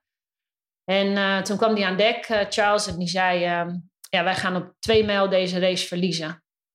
En ja, dan, dan zak je gewoon door de boot heen. Maar je blijft geloven in dat verhaal van Marcel van Triest. Twee mijl, twee mijl op 45.000 mijl na negen maanden. Dat is natuurlijk helemaal niks. Dus je gaat niet opgeven. Dus ja, die twee mijl, dat kunnen wij nog wel veranderen. We moeten gewoon hard door blijven varen.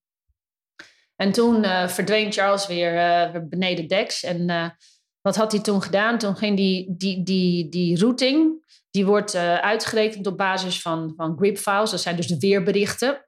Die dus de- van het softwareprogramma wat wij gebruiken, is voor alle boten hetzelfde. En dan krijg je die weerberichten door. Dus die route die wordt bepaald aan de hand van die weerberichten. Nou, wij hadden iets meer wind dan het weerbericht aangaf. En in zee hadden ze iets minder wind en een minder gunstige windrichting. Waardoor ze dus nog moesten grijpen, manoeuvreren naar de finish toe. En dus niet in een rechte lijn konden varen. Nou, en aan de hand van de wind die, en richting die wij op het moment hadden. Ervan uitgaande dat we dat zouden houden tot aan de finish. Want dat weet je natuurlijk ook nooit. En hetzelfde voor, de, voor degene in zee. Aan de hand van die informatie heeft hij eh, het weer opnieuw uitgerekend. En toen kwam hij na een kwartier eh, aan dek en toen zei hij... wij gaan op één mijl deze race winnen. En toen dachten wij allemaal van ja, dit is echt te close, too close to call. Dus eh, ja, we zijn gewoon heel hard blijven concentreren en focussen ieder op zijn, op zijn, op zijn plek. En toen kwam op een gegeven moment de helikopter boven vliegen. En die bleef heel lang hangen. Met de camera's. Allemaal bootjes volgen. Ja. eh, al vanaf IJmuiden en eerder al.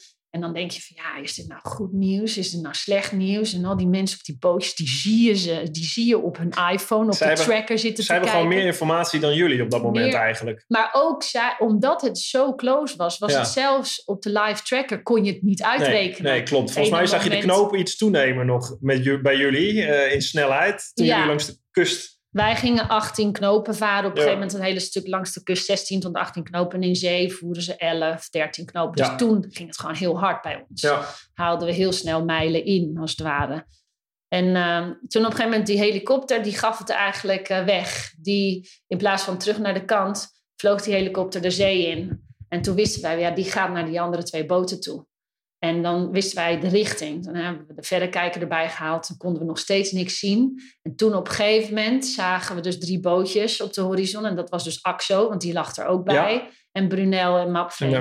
En die zaten met z'n drieën in de zee. En die zagen wij. En aan de hand ja, van de hoek dat zij varen ten opzichte van ons... konden wij, ja... Uitrekenen? nou, het, moet wel, ja, het moet wel echt heel, iets heel extreems gebeuren. Willen we het nu niet halen. Oh, wat vet dit. Jullie hebben gewoon de, je, je hebt de helikopter gevolgd om te Ja. kijken waar die heen ging naar Ja, de boten. Zodat je wist, daar liggen die boten. Kon je de hoek Ja. bepalen, waardoor ze... Ja, bij 10 mijl voor de finish hadden we een beetje, pas bij 10 mijl. Ja, En als die etappe nou niet zo gecompliceerd was geweest, nou dan weet je het wel. Want dan lig je bij elkaar of lig je dichter bij elkaar. Je kan het zien Ja. en de ene ligt voor en de ja. ander ligt nee, achter. maar jullie kozen een totaal andere route. Ja. uit Jullie wisten het gewoon echt niet. Nee, wij wisten het echt niet. 10 mijl voor de finish, ja, dan, dan weet je waar ze liggen Mhm. ongeveer. Door de verrekijker kan je dat zien. En ja, dan, dan, dan geef je elkaar wel een beetje een elleboogstoot. Zo van, ja, en een knipoog. En, maar ja, Want je weet dat ze ook nog om die boei heen moesten daarvoor. vieren ga je niet. Want ja, ik bedoel, eh, er 10 zijn wel ergere dingen gebeurd. Een mast Ja. kan eraf vallen. Je kan over een plastic zak varen tegenwoordig. Dus ja, en... ehm, maar goed, dat, ja, dat, zag er wel, eh, dat zag er wel goed uit. Nou, toen zag ik jullie al aankomen vanaf het strand. Ja, Dat klopt. kon je gewoon zien. Ja, we hebben gewoon, ja, ik zei nog tegen, tegen Charles van knal niet tegen de pier van Scheveningen op. Het zou lullig Zo zijn. dicht hebben wij gewoon tegen de, langs de kust kust van gevaren. Nederland gevaren. De, hele, de hele weg van, den, eh, van Texel of Den Helder naar, eh, naar de finish toe. Zaten we gewoon lekker, lekker dicht onder het kantje. Waarom, waarom vaar je zo dicht mogelijk langs de kust dan? Is dat, Omdat is we dat toen de minste, zee? Oh stroming tegen hadden. ja. Ja, ja. Dus, eh, en dat was ook nog... eh, wij, zou, eh, wij moesten langs een boei in Denemarken. Ja. Eh, en eh, dan moesten we om Denemarken heen en dan naar Nederland. En, ehm, maar ze willen dat we natuurlijk in Den Haag aankomen. Je Mhm. kunt natuurlijk zeilen, je kunt dat niet plannen. Je bent van weer afhankelijk. Eh, dus je kunt niet zeggen, ik kom zo laat Nee. aan. Maar ze wilden ons natuurlijk wel op een mooi tijdstip in. Scheveningen aankomen. Ja. Niet midden in de nacht, niet Nee. vroeg in de ochtend. Want ja, dan is er nog niemand. Dan midden op de dag, als Ja. iedereen er is. En eh, ja, dus dat hebben ze ook een beetje ingepland. Dus ze hebben, op, op een Hm. gegeven moment hebben ze nog een waypoint, een denkbeeldige boei, een beetje halverwege Noorwegen, waar helemaal geen wind was. Waar we nog even omheen Toegevoegd. moesten om toch. Ja, ja, ja. En daardoor, omdat we dus, waren we om tien uur 's ochtends aangekomen, Ja. Dan hadden we de stroming heel anders gestaan. Ja, joh. Maar nu hadden wij dus die, die zes uur die we nog hebben moeten varen langer. Want we kwamen, Dat was ook weer van invloed op die beslissing. Zeker. De stroming, want Ja. zes uur later met Ja, en dan hebben ze in zee hebben ze veel meer stroming tegen dan Ja. wij aan de kust. Ja, je geeft en jou een ook mooi de voorbeeld. windrichting en de windkracht. Alles Mhm. gewoon, ja. Dus dat is eigenlijk wat zeilen steeds is, wat het zo fascinerend maakt. Het constant weer andere beslissingen. Het kan weer helemaal om moeten binnen een tijdsbestek van een, van een uur, van, van een minuut soms. Ja, absoluut. Het, kan, eh, het, het, zijn, het zijn natuurlijk anticiperen waar ik het net over Mhm. had. Omdat het natuurlijk gaat over een langere periode. Maar als je aan dek bent op het moment zelf, ja, als de omstandigheden veranderen, dan moet je daarop reageren. Je bent, er constant, je, je, je bent constant bezig om, eh, om die, die, de trim, de stand van je Ja. zeilen, het sturen aan te passen op, de, op die veranderende omstandigheden.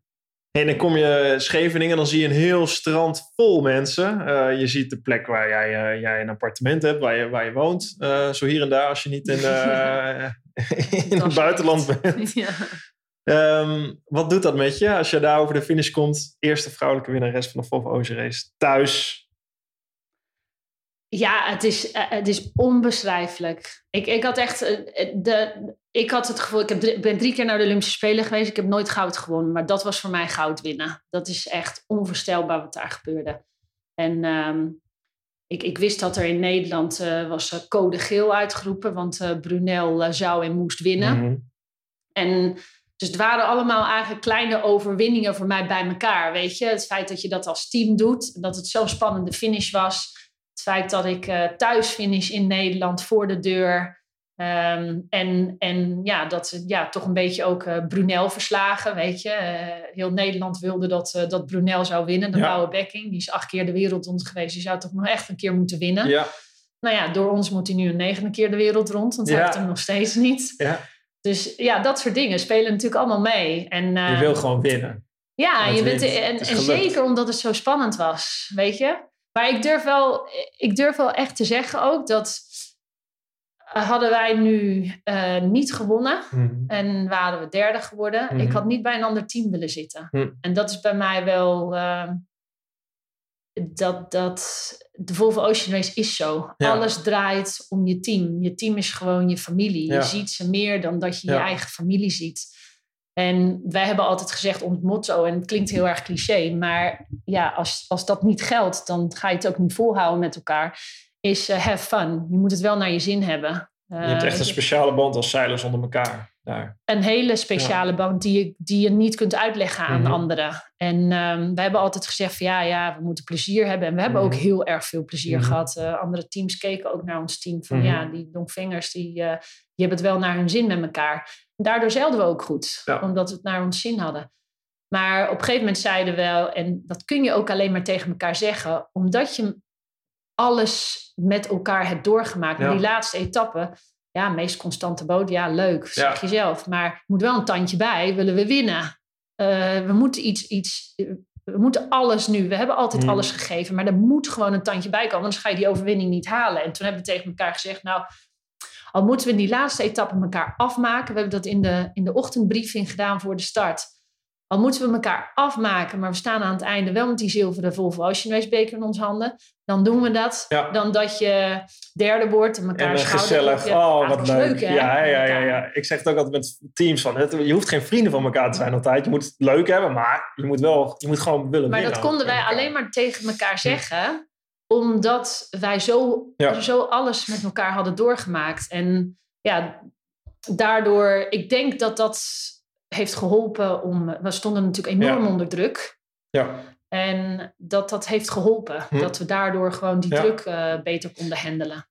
en dan kom je van, van boord daar. Je, je viert het met je team. Maar wat me ook heel erg, ja, ook wel lastig lijkt voor jou, is je hebt een zoontje. Ehm, die, die was daar volgens mij toch? Ja, die ja, omhelst je meteen. Ja, die, die, die is de wereld mee rond geweest. Ja. Hè. Die heeft dus ja, per vliegtuig dan, met een hele goede vriendin van mij, die, die ja, tweede mama was voor hem in feite. En eh, Maar hoe is dat voor jou? Om, om, het lijkt me heftig. Hoe oud is hij? het, het is heel heftig. Hij is zeven jaar oud, Kyle. En eh, het is een tweede Volvo. Want eh, ik had drie jaar geleden met Team SCA, toen was hij drie jaar oud. En nu is het natuurlijk, ja, hij is ouder. Hij begrijpt veel meer. Ehm, hij moest naar school.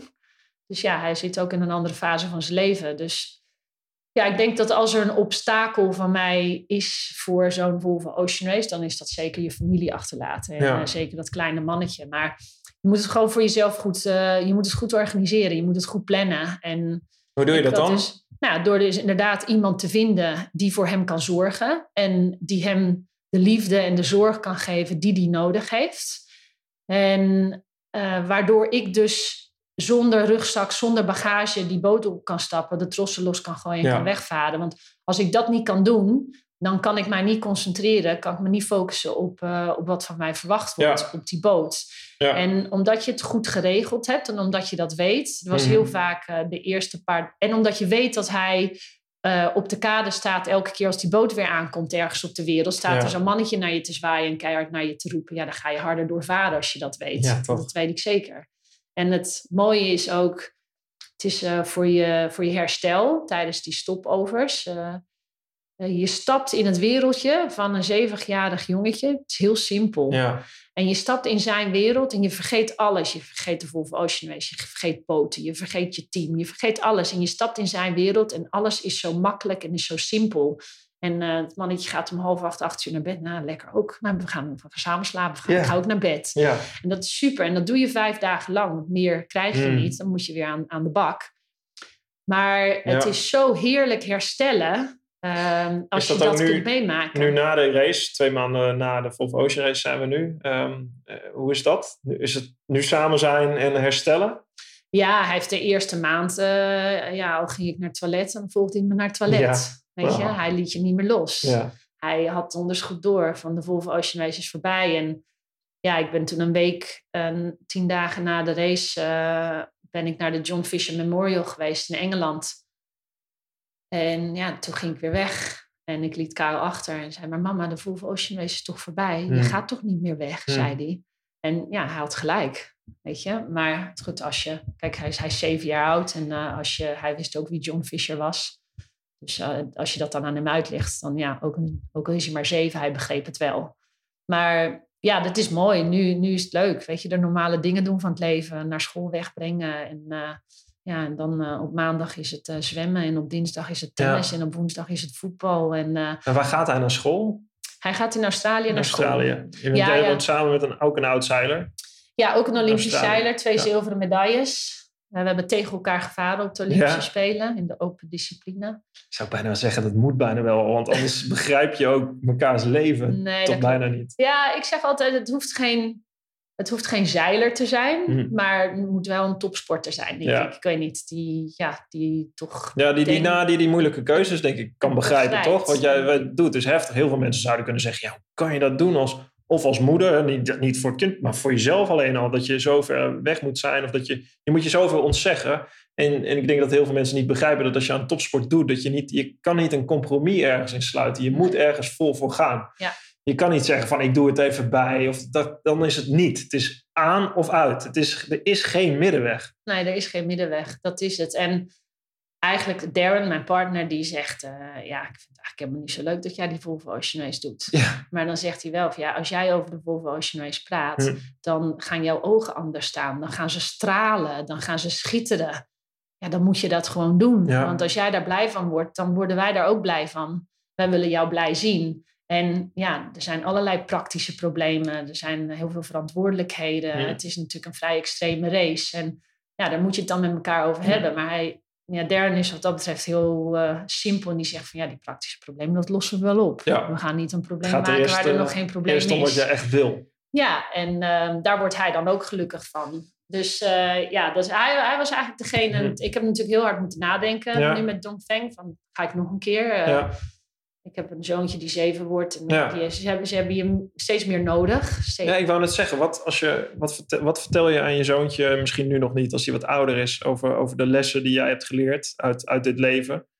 Wat kan je hem meegeven daaruit?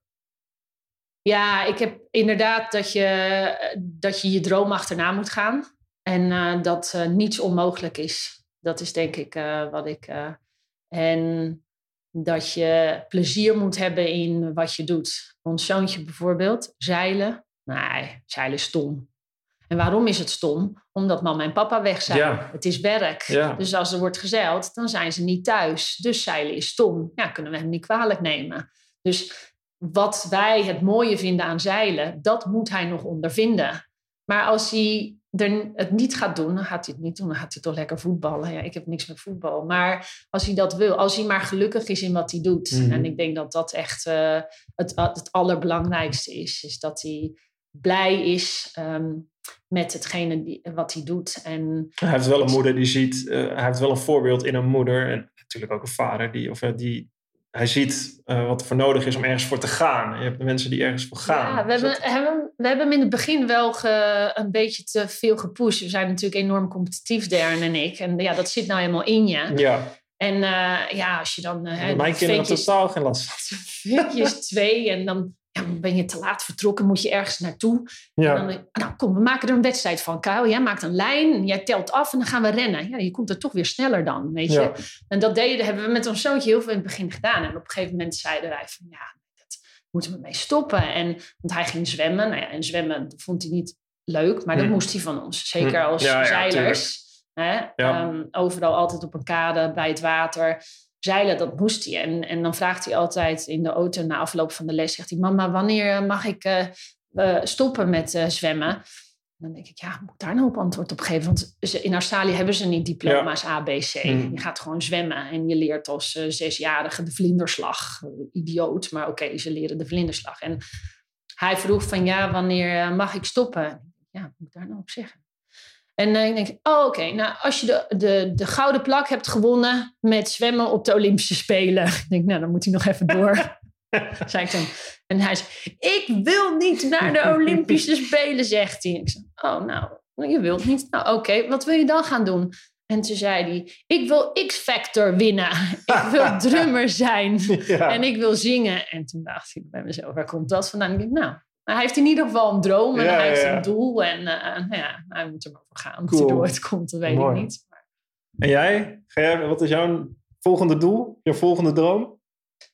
Ja, ik ben in ieder geval weer in de kleine bootjes gestapt. Ik ga weer eventjes, eh, ja, ben mijn neus aan het trainen, zeg maar. Eh, ik, eh, ik heb, ehm, er is een klein bootje en tegenwoordig, ja, de technologie staat natuurlijk binnen het zeilen ook niet stil. Dus eh, tegenwoordig vliegen we laag boven het water. Foilen. Foilen, bij het kiten doen ze dat Ja, ook. het is helemaal. eh, Dus ik heb in. een eh, kleine katamaran van eh, 18 voet, het Mhm. E-cat, E-klas. En eh, daar zijn we in aan het foilen. Dus, eh, Dat is echt vliegen over het water, is dat, hè? ja, dan ben je echt, en dan sta je in de trapeze en eh, dan ga je 27, 28 knopen en dan ben je echt in je bil aan het knijpen. Dus, eh, dat Maar is dat echt, puur om, de- om eh, op het water te zijn en te genieten? Of heeft, is dat ook doelmatig echt... eh, We hebben een WK eind eh, november in Australië toevallig, dus het komt allemaal wel mooi uit. Ehm, ja, ik, wil, ik was van plan om daar iets meer te zijn, maar ik reis nogal veel op en neer naar Nederland de laatste tijd. Dus echt eh, heel veel trainen eh, doe ik niet. Maar ik ga daar wel eh, aan meedoen en dat is gewoon voor het plezier. Ik vind, ik vind de ontwikkeling ook wel heel Hmm. erg leuk. Er gebeurt heel erg veel. Eh, ik heb nu twee jaar niet op die boot gezeild vanwege de Volvo Ocean. En je komt terug en er is al zoveel veranderd. Ze zijn al zoveel verder. En eh, ja, ik vind dat wel eh, ik vind het leuk om, om, om daarvan daarover te leren. Dus, Ik hoor het al. Jij, jij, stopt voorlopig nooit eigenlijk met zeilen. Tot slot, heb jij nog een aantal... Ik ben wel nog benieuwd naar welke... Zijn er bepaalde tactieken die jij toepast? Ehm, als het gaat om je voor te bereiden, trainingen, meditatie of zulke soort dingen. Zijn er, zijn er bepaalde dingen die jij eh, toepast?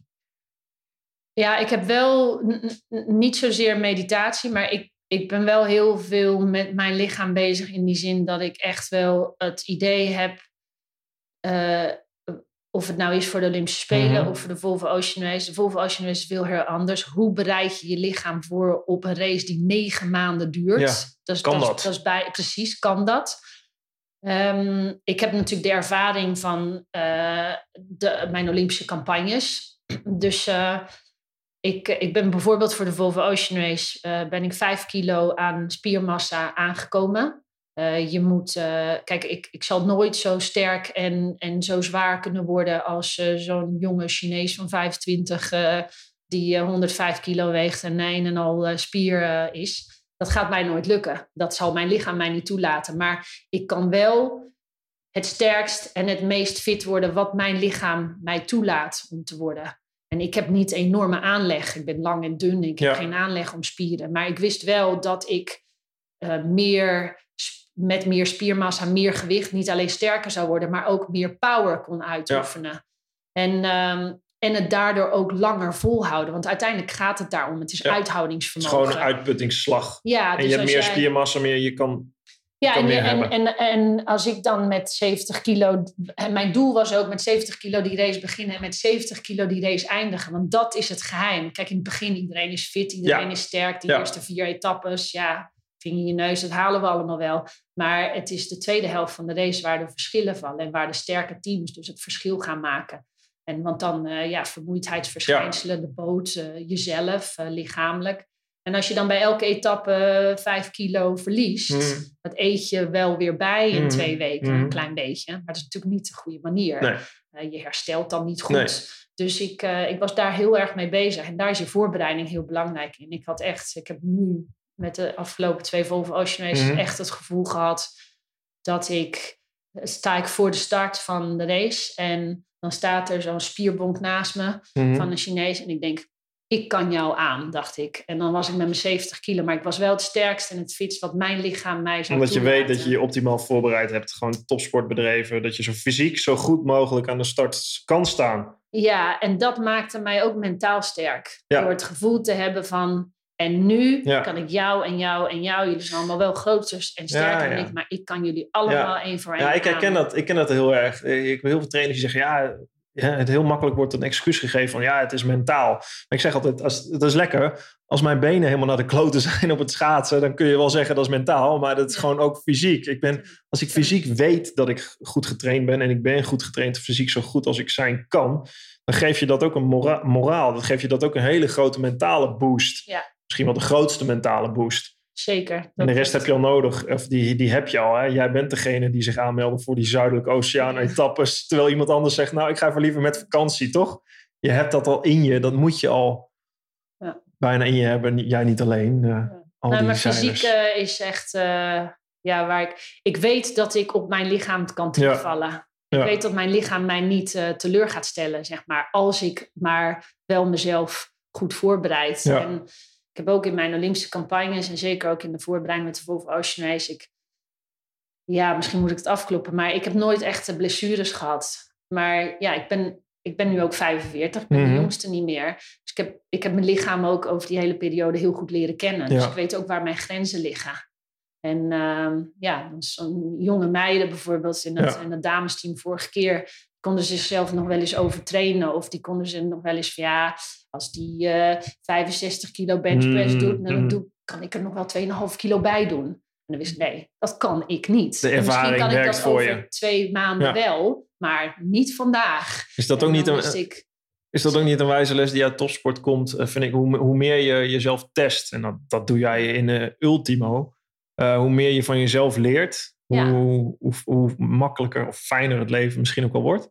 Ja, en, en ja, dit, ik denk dat jij het ook gezegd hebt, topsport is één grote les. Ja, Het is gewoon een levensles. ja, En eh, ja, ik ben ook keihard op mijn bek gegaan. ja. En ja, dan leer je weer opstaan. En dan ga je weer, dan ga je weer op je bek. Het is gewoon de, de maximale uitdaging opzoeken, dat aangaan, daarvan leren. Ja, En- en dat kan je niet doen zonder eh, ook gewoon keihard eh, te vallen. Ja. Want, ja, uiteindelijk, je moet ook leren verliezen om weer een stap verder te kunnen komen. Ja. En, ja, dat vergeten heel veel mensen. Maar ja, je moet dat hebben meegemaakt om, eh, om een stap, eh, om ja, net dat Ja. treedje hoger te komen. Lijkt me een hele mooie boodschap om mee af te sluiten. Dank je, Caroline, voor jouw verhaal. En eh, ontzettend veel respect eh, voor jou, wat je hebt gepresteerd. En ik heb van de race genoten, van jou genoten. Eh, en eh, ik hoop dat deze luisteraars eh, die de podcast luisteren daar ook heel veel aan zullen hebben. Bedankt voor je verhaal. Jij ook bedankt, Mark.